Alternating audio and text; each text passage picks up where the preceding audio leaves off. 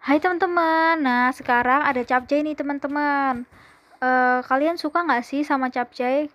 Kalau aku sendiri sih, aku suka capcay teman-teman. Aku sukanya capcay yang kuah karena seger aja gitu dan sehat karena banyak sayurnya kan. Nah, capcay itu adalah nama hidangan khas Tionghoa Indonesia berupa banyak macam sayur yang dimasak dengan cara direbus atau digoreng tumis.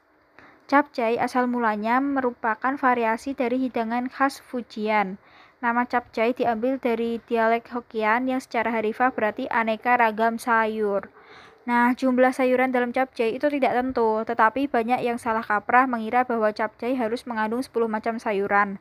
Karena secara harfiah ada adalah berarti 10 sayur. Cap di dalam dialek Hokkien juga dapat dieja 10 dan cai berarti sayur. Nah, beberapa jenis sayur yang biasanya dicampur dalam capcay adalah sawi putih, sawi hijau, wortel, jagung muda,